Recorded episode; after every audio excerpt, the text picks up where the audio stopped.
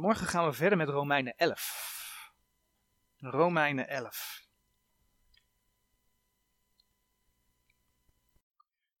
De vorige keer dat we bij Romeinen 11 hebben stilgestaan waren dat de versen 7 tot en met 10. En we hebben toen gezien dat er ook vandaag de dag Joden zijn die de Heer Jezus hebben aangenomen. Die de Heer Jezus als hun persoonlijke verlosser kennen. Ze hebben, zegt Gods woord dan, Gods rechtvaardigheid gevonden en worden in deze gemeentetijd ook wel het Israël Gods genoemd. De andere Joden zijn met hun eigen gerechtigheid bezig, hebben daardoor Gods gerechtigheid niet gevonden. En doordat ze de Heer Jezus als hun persoonlijke verlosser verworpen hebben, heeft de Heer hen verhard. Als het om die verharding gaat, zegt de Heer, hebben zij, en dat was een beetje het centrale thema de vorige keer, een geest des diepe slaaps. De gevolgen zijn dus verblindheid. Verblindheid ook ten opzichte van Gods woord. Ik had ook bewust dit plaatje gekozen van die boekrol die verzegeld is. De schrift is dan als een verzegeld boek. Ze begrijpen er niets van. Nou, alhoewel dat gedeelte over Israël handelt, hebben we ook de parallel naar de gemeente gezien. Naar de gemeentetijd gezien.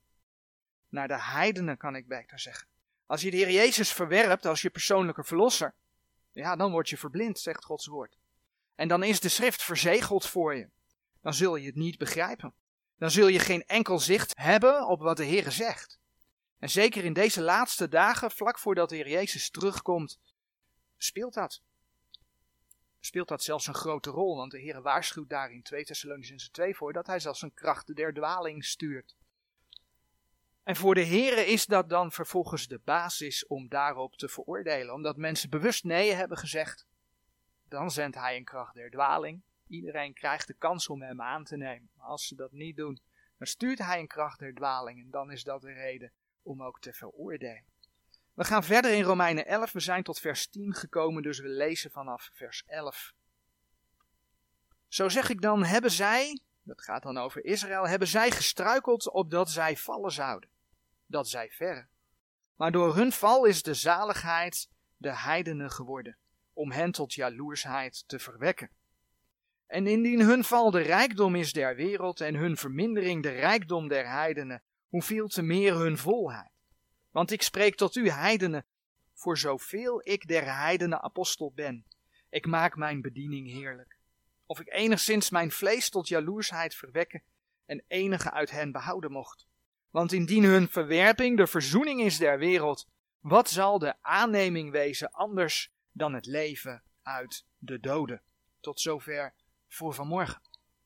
En dan bedoel ik natuurlijk tot zover de schriftlezing.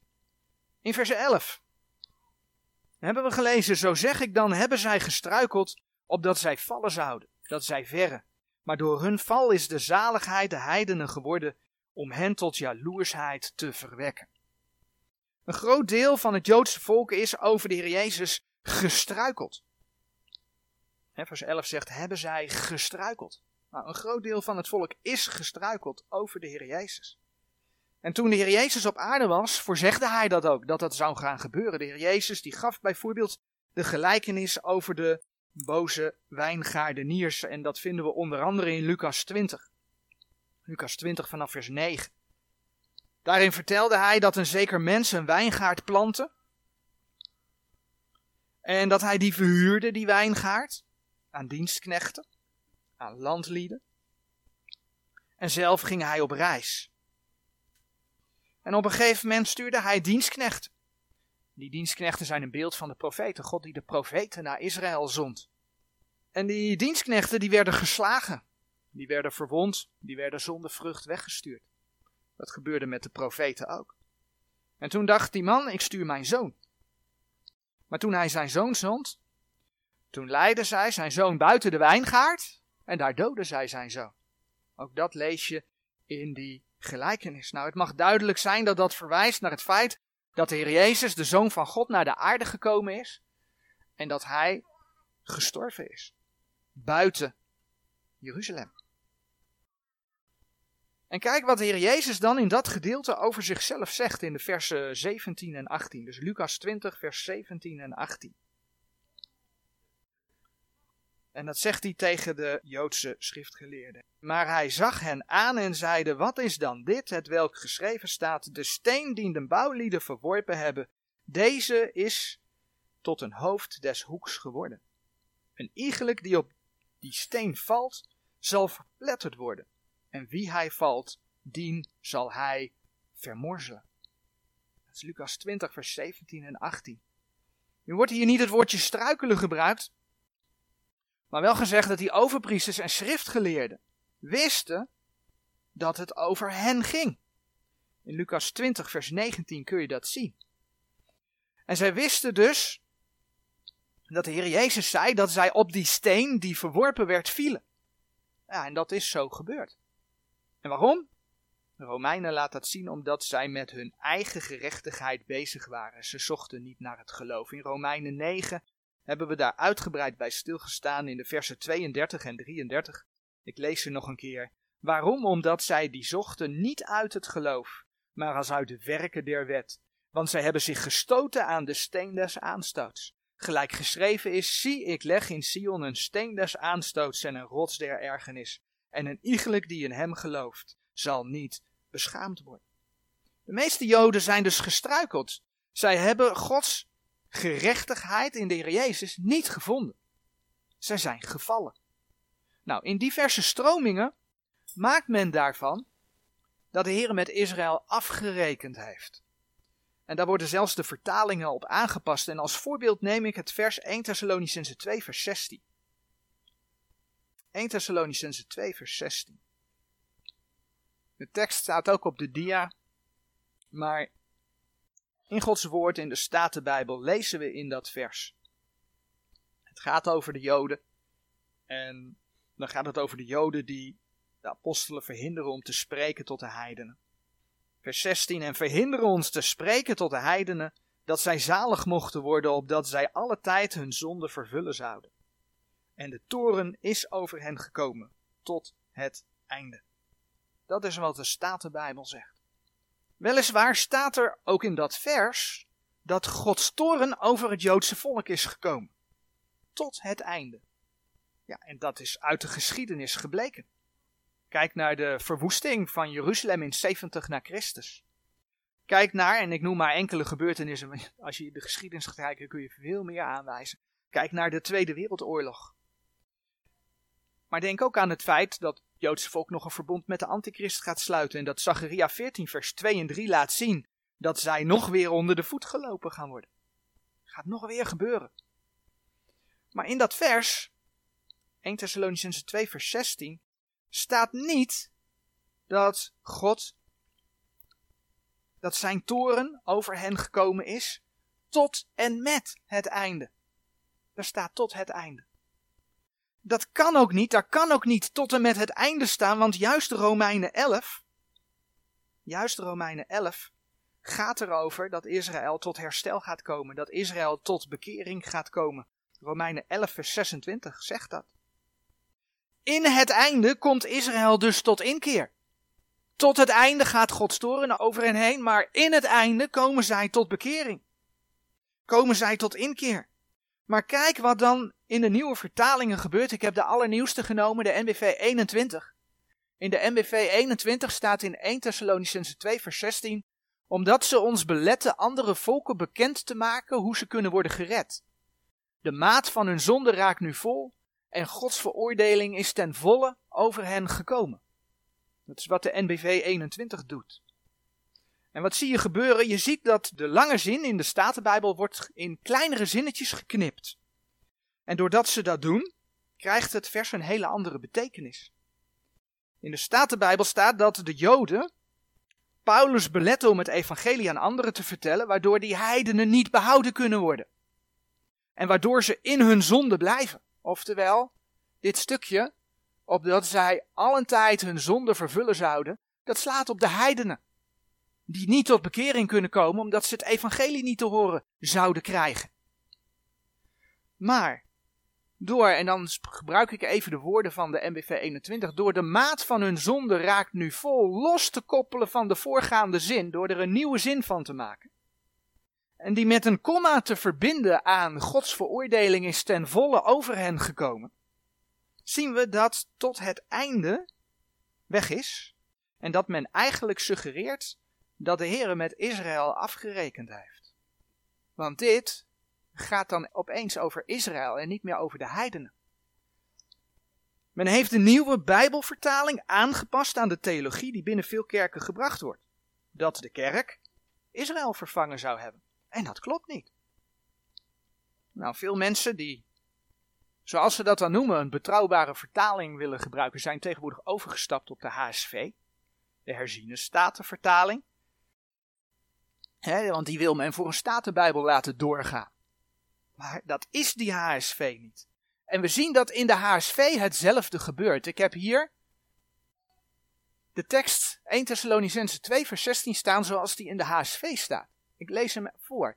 Zij verhinderen ons tot de heidenen te spreken, opdat die zalig zouden worden. Zo maken zij voor altijd de maat van hun zonde vol, en de toren is over hen gekomen tot het einde. Nou, we zien in de HSV dat daar nog wel tot het einde staat. Net zoals in de Statenbijbel. Maar ook hier is, en dan gebruik ik even de woorden van de HSV, zo maken zij voor altijd de maat van hun zonde vol, losgekoppeld van de voorgaande zin. Dat is een aparte zin geworden, waardoor het niet op de heidenen slaat, maar opnieuw op de Joden. En dan lezen we dat de Joden de maat van hun zonde voor altijd volgemaakt hebben. Dat is wat er in de HSV staat. De HSV doet dus, ondanks dat ze die laatste drie woorden laten staan tot het einde, eigenlijk hetzelfde als de MBV 21. En dat is fout. Ja, en dat dat fout is, blijkt uit Romeinen 11, vers 26. Kijk maar wat daar staat. De zonden van Israël gaan vergeven worden. Romeinen 11, vers 26. Gaan daar later nog verder op terugkomen, maar laten we hem nu even lezen. En alzo zal geheel Israël zalig worden, gelijk geschreven is: de verlosser zal uit Sion komen en zal de goddeloosheden afwenden van Jacob. En ja, bij die goddeloosheden gaat het om zonde. Dat blijkt uit wat de profeten geprofiteerd hebben, bijvoorbeeld Jeremia 50, vers 20. In Jeremia 50, vers 20, daar lezen we. In die dagen en te dien tijden spreekt de Heere zal Israëls ongerechtigheid gezocht worden, maar zij zal er niet zijn. En de zonde van Juda, maar zullen niet gevonden worden, want ik zal ze degene vergeven die ik zal doen overblijven. Het overblijfsel komt tot geloof en de zonden van dat overblijfsel zullen vergeven worden. Dat is wat Gods woord laat zien. Zie hoe Gods woord klopt? En zie je hoe de nieuwe vertalingen iets in de tekst brengen dat onjuist is, tot en met de HSV toe. Ja, Gods toren is over Israël gekomen. En gaat nog over Israël. Maar niet voor altijd. Want zij gaat tot bekering komen. Dat heeft de Heer gezegd haar zonden zullen vergeven worden. Romeinen 11, vers 11 laat dan zien dat die val van Israël wel een doel had. De vraag in dat vers luidt: hebben zij gestruikeld opdat zij vallen zouden? Oftewel, was hun val het doel? En dan laat de Heer zien dat dat absoluut niet het geval was maar wel dat hun val gebruikt is om de heidenen bij de Here te kunnen brengen. Want het vers vervolgt, Romeinen 11 vers 11, dat zij verre, maar door hun val is de zaligheid de heidenen geworden, om hen tot jaloersheid te verwekken. Nou, dat die boodschap in eerste instantie naar Israël ging, en vervolgens naar de heidenen, dat blijkt bijvoorbeeld uit het boek Handelingen. Laten we Handelingen 13 opzoeken.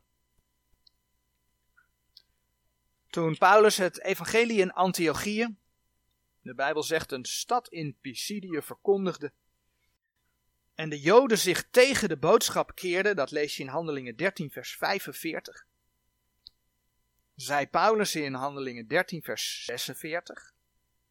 Maar Paulus en Barnabas, vrijmoedigheid gebruikende, zeiden: Het was nodig dat eerst tot u het woord Gods gesproken zou worden, dus tot de Joden, doch nademaal gij het zelf verstoot en u zelf des eeuwige levens niet waardig geoordeeld, zie, wij keren ons tot de heidenen. Nou, dat kom je drie keer in handelingen tegen. In handelingen 18 vers 6 kom je het ook tegen. En in Handelingen 28, vers 27 en 28 kom je dat nog een keer tegen. En Paulus wordt dan ook wel de apostel der heidenen genoemd. En als je dan kijkt in Handelingen 13, vers 47, dan lees je daar nog. Want al zo heeft ons de Heere geboden, zeggende: Ik heb u gesteld tot een licht der heidenen, opdat gij zoudt zijn tot zaligheid tot aan het uiterste der aarde. Dus de boodschap zou naar de heidenen gaan. En als je dan in 1 Timotheus 2, vers 7 kijkt, dan zie je dat Paulus inderdaad de apostel der heidenen genoemd wordt. 1 Timotheus 2, vers 7. Dan zegt Paulus, waartoe ik gesteld ben een prediker en apostel, ik zeg de waarheid in Christus, ik lieg niet.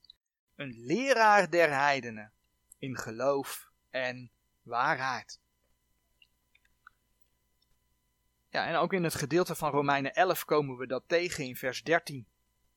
Hebben we gelezen. Want ik spreek tot u heidenen, voor zoveel ik der heidenen apostel ben, ik maak mijn bediening heerlijk. Paulus is dus de apostel der heidenen. En dat betekent dat die boodschap gemaakt heeft dat de heidenen bij de Heere God kunnen komen. En een heel mooi gedeelte wat daarover gaat vinden we in Efeze 2.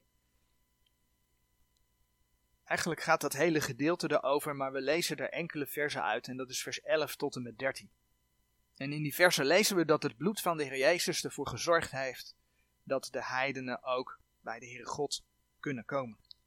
Efeze 2 vers 11 tot en met 13. Daarom gedenk dat gij die eertijds heidenen waart in het vlees, en die vooruit genaamd werd, hè, want heidenen werden niet besneden, van degenen die genaamd zijn besnijdenis in het vlees, dus dat zijn de Joden, die met handen geschiet, dat gij in die tijd waart zonder Christus, vervreemd van het burgerschap Israëls en vreemdelingen van de verbonden der belofte, geen hoop hebbende en zonder God in de wereld. Maar nu in Christus Jezus zijt gij die eertijds verrewaard nabij geworden door het bloed van Christus. En dat is dus allemaal mogelijk geworden. Doordat Israël, allereerst natuurlijk door het volbrachte werk van de Heer Jezus, maar ook doordat Israël haar heren verwierp. Maar het feit dat de boodschap naar de heidenen ging, dat deed wat met de Joden. Het maakte hen jaloers.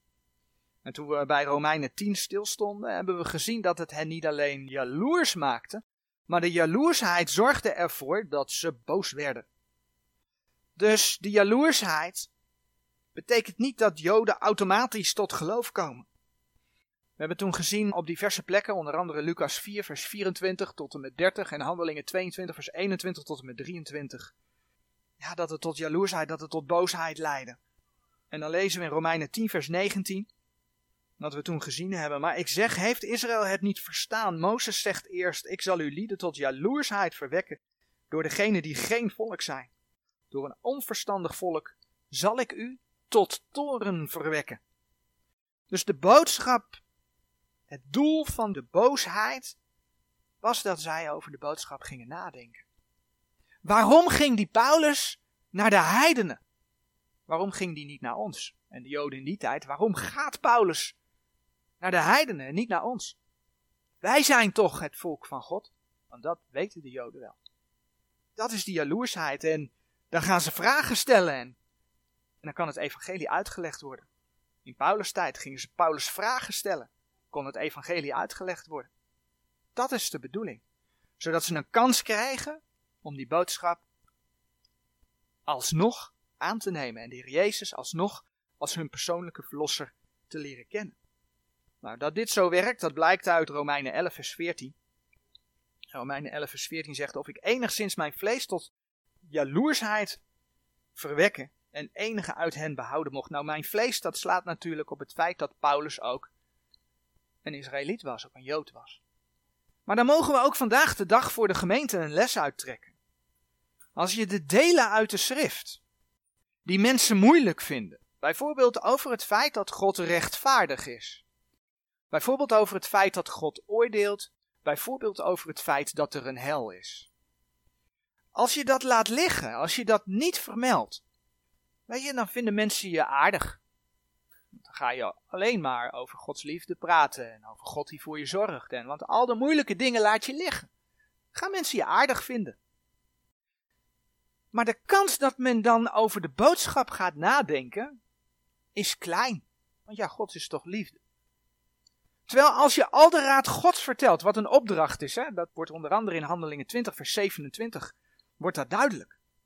Als je al de raad Gods gaat vertellen, dus ook meeneemt dat God rechtvaardig is, ook meeneemt dat er een oordeel gaat komen, en ook meeneemt dat er een hel is. Als je dat meeneemt, dan geef je mensen voer, waardoor ze misschien tot nadenken komen. Ja, het zal een hoop mensen de blik afkeren omdat het afschrikt. Dat klopt, maar dat is omdat ze in hun hart eigenlijk al een keuze hebben gemaakt. En ze hebben gekozen. Zendt God een geest der dwaling en ze willen er niks meer van weten. De Heilige Geest, Johannes 16, vers 8, overtuigt van zonde, van gerechtigheid en van oordeel. En wat doen mensen vaak? Ze laten juist de zonde, gerechtigheid en oordeel weg uit de evangelisatieboodschap. Maar het is de Heilige Geest die daarvan overtuigt. En daarom moet dat gebracht worden. Daarom moet dat prikkelen, want dan kunnen mensen gaan nadenken. En dan krijgen ze de kans om met een vrije wil, want het wordt niemand verplicht, dan krijgen ze de kans om met een vrije wil de Heer Jezus als hun persoonlijke verlosser te leren kennen. Amen.